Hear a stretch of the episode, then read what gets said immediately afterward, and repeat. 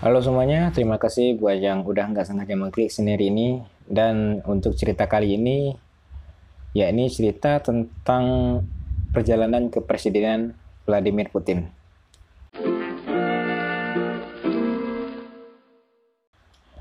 Nah, untuk orang-orang yang tidak mengenal uh, mengenal Vladimir Putin itu berarti orang itu acuh banget sama politik, sibuk sama dunianya, atau orang itu tidak punya internet. Karena Vladimir Putin ini adalah presiden Rusia yang masa baktinya itu lama juga ya. Dari Obama sampai sekarang uh, Joe Biden, presiden Amerika masih masih tetap dia gitu kan. Kalau tidak salah dia sudah menjadi presiden selama empat periode. Dan tentu untuk mendapatkan empat periode itu penuh strategis bahkan uh, perjalanan dia dari uh, bisa dibilang kayak Ahok lah gitu kan dari bawah gitu sampai menuju jalan ke dudukannya sebagai presiden itu sangat menarik. Jadi bisa dibilang uh, pekerjaan awal uh, Vladimir Putin ini pada tahun 1975 yakni menjadi perwira intelijen ketika Perang Dingin. Nah, ketika Perang Dingin berakhir, uh, maka dia menjadi kemudian dia pulang ke kota hala, uh, ke kampung halamannya dan kemudian menjadi penasihat wali kota dalam bidang hubungan internasional pada tahun 1992 sampai dengan 1996. Sembari aktif di partai politiknya Orham Rusia. Kemudian dia pindah ke ibu kota ke Moskow dan pada Maret uh, pada dan ma, pada Maret 1997 dia pun diangkat menjadi wakil kepala departemen manajemen properti presiden. Nah, belum lama satu tahun, belum genap satu tahun, eh Maret, April, Mei, oh udah satu udah satu tahun, sekitar satu tahun lebih. Kemudian dia diangkat menjadi wakil kepala staf kepresidenan. Lalu lanjut berjalan sekitar satu tahun lebih dikit. Kemudian dia diangkat lagi. Pada Agustus 1999 ditunjuk oleh Presiden Boris, uh, uh, Presiden Rusia pada saat itu menjadi Direktur Badan Intelijennya Rusia. Kemudian pada tahun yang sama juga uh, dia dilantik menjadi Perdana Menteri Rusia yang mana bisa dibilang itu adalah kepala menteri gitu kan? Kepala dia ditunjuk menjadi kepala menterinya. Nah kemudian di akhir tahun 19, 1999 nya ini pada tahun baru 2000 Presiden Boris secara mendadak memundurkan diri. Sehingga uh, secara secara tidak langsung ya kayaknya. Atau pokoknya ketika uh, Presiden Boris mengundurkan diri, maka Vladimir Putin ditunjuk menjadi presiden menjadi presiden PLT ketika Boris tiba-tiba mundur. Jadi gokil nggak tuh? Dari 1997, 98 diangkat lagi, 99 diangkat lagi. Pada tahun yang sama diangkat juga lagi. Uh, habis tuh tahun 2000 jadi presiden walaupun PLT gitu kan.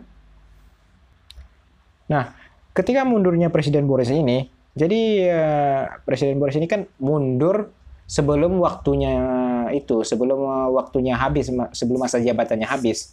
Sehingga pemilu yang harusnya diadakan pada bulan Juli dimajukan menjadi bulan Maret. Dan tentu saja Vladimir Putin ikut dong dalam pemilu itu pemilu itu sendiri dan ketika dilakukan hasilnya Putin menang dengan 53% suara. Jadi hanya butuh 97, 98, 99, 2000. Hanya butuh 4 tahun. Hanya butuh 4 tahun bagi Vladimir Putin menjadi presiden. Tiga tahun dia membuktikan eksistensi dia di pemerintahan Lalu di tahun keempat dia pun menjadi presiden secara sah. Dipilih oleh rakyatnya. Nah, seiring dengan waktu berjalan, ketika masa periode pertamanya habis, maka ketika tahun 2004, uh, Putin pun mencalonkan diri lagi dong sebagai presiden dan hasil dia menang sebanyak 74% suara. Menang telak. Itu kan berarti uh, rakyatnya mengakui bahwa pemerintahannya itu bagus gitu kan. Sampai-sampai 74% loh. Sedangkan di Indonesia, seperti yang kita tahu Pak Jokowi ini sudah masa periode keduanya. Dan perolehan suaranya pada periode satu dan periode kedua itu tidak tidak jauh tidak jauh jaraknya gitu kan hanya 50 50-an persen gitu kan sama kayak uh, periode pertama pemilihan suara menang-menang tipis dari Pak Prabowo gitu kan itu kan berarti orang-orang masih pada ragu ini pemerintahnya bagus atau enggak sih? Tapi caranya cuma ini aja. Ah ya udahlah pilih lagi lah. Yuk lanjut. Padahal mah kalau pemerintahan kepemimpinan Pak Jokowi bagus kan pastilah adalah 60 70 persen dapat suaranya gitu kan menang telang gitu bukan menang tipis eh, kayak gini dua kali. Itu kan rakyat masih ragu itu kan masih bingung juga ini bagus atau enggak karena belum kerasa dampaknya gitu nah lanjut uh, ketika masa jabatan periode kedua Putin ini akan habis, di tahun 2008 dia melakukan survei tentang popularitasnya Putin. Dan alhasil dari survei itu popularitasnya malah naik, makin makin naik mencapai 84%. Nah, melihat peluang seperti ini, Putin merasa agak sayang dong. Popularitasnya yang sebanyak 84% ini tidak digunakan semaksimalnya. Tapi uh, di konstitusi demokrasi Rusia uh, mereka melarang seseorang untuk menjadi presiden tiga periode berturut-turut. Tiga periode berturut-turut ya. Jadi itu berarti ketika seseorang uh, sudah dua periode berturut-turut, lalu ada orang yang menggantikannya, lalu ada orang yang menggantikannya, kemudian dia ikut lagi pada periode selanjutnya, maka itu bisa. Karena itu dihitung tidak berturut-turut gitu kan.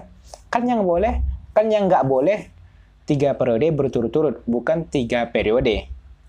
Bukan tiga periode menjadi presiden, tapi tiga periode berturut-turut. Itu berarti ketika dia tidak ikut uh, satu periode, kemudian periode selanjutnya dia ikut lagi, ya otomatis bisa dong. Maka melihat peluang seperti itu pun uh, Putin mengambil langkah untuk mendukung tangan kanannya untuk menjadi presiden, yakni Dmitry Medvedev. Jadi Medvedev ini adalah orang kepercayaan yang Putin. Jadi uh, Putin secara terang-terangan mendeklarasikan bahwa dia mendukung Medvedev ini untuk menjadi presiden. Otomatis rakyat percaya dong dengan popularitasnya yang 80 yang 84% gitu kan. Nah, Medvedev ini adalah orang kepercayaan Putin yang mana pada tahun 2005 ia ditunjuk sebagai deputi pertama Perdana Menteri Rusia. Jadi sejak saat itulah Putin mempercayakan Medvedev ini. Putin percaya uh, mempercayakannya sebagai tangan kanannya. Nah, kenapa orang-orang sangat yakin bahwa Medvedev ini adalah tangan kanannya uh, Putin, cukongnya Putin? Karena ketika Medvedev menang dengan perolehan suara 70 persen, Lalu dia menunjuk Putin menjadi Perdana Menteri. Rakyat bingung dong, siapa yang bosnya sebenarnya gitu kan? Ini kan Putin seharusnya udah selesai lah masa baktinya gitu kan. Kenapa ikut lagi dalam pemerintahan gitu? Apakah Putin ada di sana untuk eh, mengendalikan Medvedev gitu kan, mengendalikan tangan kanannya gitu? Ya, kemudian Medvedev pun men mengatakan secara tegas bahwa dialah bosnya, dialah pemimpin, pemimpin Rusia gitu kan. Tapi ya namanya politisi, hal yang diucapkan sering kali dong kontradiktif dengan yang dilakukannya di lapangan. Ya, namanya juga politisi gitu kan. Uh, bahkan ada tuh beritanya, uh, ada lomba berbohong gitu kan, lomba kejuaraan berbohong. Dan politisi dan uh, pengacara dilarang ikut karena mereka terlalu jago berbohongnya. Nah, uh, Medvedev ini benar-benar orang tangan kanannya Putin, benar-benar orang cukongnya Putin. Hal ini terbukti dengan tindakan yang dilakukannya, yakni lima bulan setelah dilantik, ia mengajukan perubahan konstitusi agar masa presidensial berubah dari empat menjadi enam tahun. Dan agar jalannya lancar, agar ada plecinya gitu kan. Dia juga mengajukan perpanjangan uh, juga buat anggota DPR-nya buat anggota DPR-nya Rusia dari empat tahun menjadi lima tahun. Terus anggota DPR berpikir dong, oh fair game nih, lo dapat, gue dapat. Nah, terus siapa dong yang diuntungkan uh, karena perubahan peraturan ini? Ya tentu saja Putin juga diuntungkan gitu kan. Karena ketika peraturan baru diberlakukan, maka pemain lama juga bisa masuk. Hal ini terbukti dengan perubahan itu uh, yang mana perubahan ini tidak berlaku, perubahan konstitusi ini ya, tidak berlaku di masanya Medvedev berkuasa. Perubahan ini diberlakukan setelah Medvedev berkuasa gitu kan. Jadi otomatis ya Putin lah yang diuntungkan gitu kan. Nah, setelah Medvedev pun menjabat sebagai presiden selama satu periode, kemudian Putin pun mencalonkan diri sebagai presiden lagi di Rusia. Dan alhasil dia menang dengan suara dengan perolehan suara 63 persen. Dan kemudian selang enam tahun berlalu, ya namanya juga udah berubah kan konstitusi, konstitusinya. Jadinya enam tahun. Kemudian pada tahun 2018 dia mencalonkan diri lagi sebagai presiden dan ya terpilih lagi kinerjanya kayaknya terbukti dengan perolehan suara yang dia dapat yakni sebesar 76%. Berarti banyak dong rakyat yang percaya bahwa pemerintahannya itu emang eh, berjalan bagus gitu kan. 10 tahun, wow, udah 20 tahun dia menjabat sebagai presiden di Rusia. Dan kayaknya jalannya itu mulus ya. Itu kayak diberi jalan sama Tuhan. Wum, ini jalanmu Putin silahkan dilewati. Kalau di Rusia tadi kan tidak boleh dua kali berturut-turut, eh, tiga kali berturut-turut menjadi presiden. Nah, sedangkan untuk konstitusi demokrasi di Indonesia itu tidak boleh menjadi presiden, tidak boleh mendapat, menempati kekuasaannya sama lebih dari dua kali. Jadi Pak Jokowi udah dua kali ini kan jadi presiden, Uh, jadi nggak bisa lagi yang ketiga kali karena tidak bisa menduduki posisi yang sama sebanyak tiga kali lebih dari dua kali gitu kan? Tapi ada juga kan wacana-wacana orang-orang aneh lah gitu kan? Wacana orang-orang apa ini? Ide apa ini? Dari mana katanya uh, Presiden Jokowi tiga periode Presiden jadi eh, tujuh tahun satu periode. Yang mana kedua opsi ini bukanlah eh, sama-sama kedua opsi yang bisa menguntungkan kubunya Pak Jokowi. Kenapa? Karena ketika peraturan tujuh tahun satu periode itu diberlakukan, maka otomatis ada peraturan baru dong. Ada peraturan baru sehingga pemain-pemain lama bisa ikut bergabung. Pak SBY bisa ikut nyalonkan diri lagi, Pak Bu Megawati bisa nyalonkan diri lagi, karena ini peraturan baru gitu kan. Nah, sedangkan untuk uh, tiga periode, ah tentulah ya, kayaknya Pak Jokowi lagi menang mungkin kalau lawannya itu itu aja.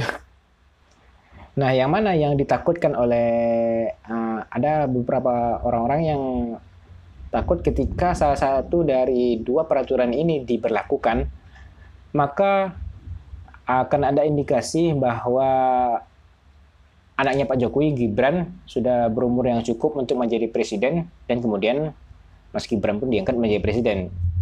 Takutnya ada uh, dinasti kekuasaan gitu. Itu yang ditakutkan oleh beberapa orang gitu ketika salah satu dari kedua dua peraturan ini diberlakukan.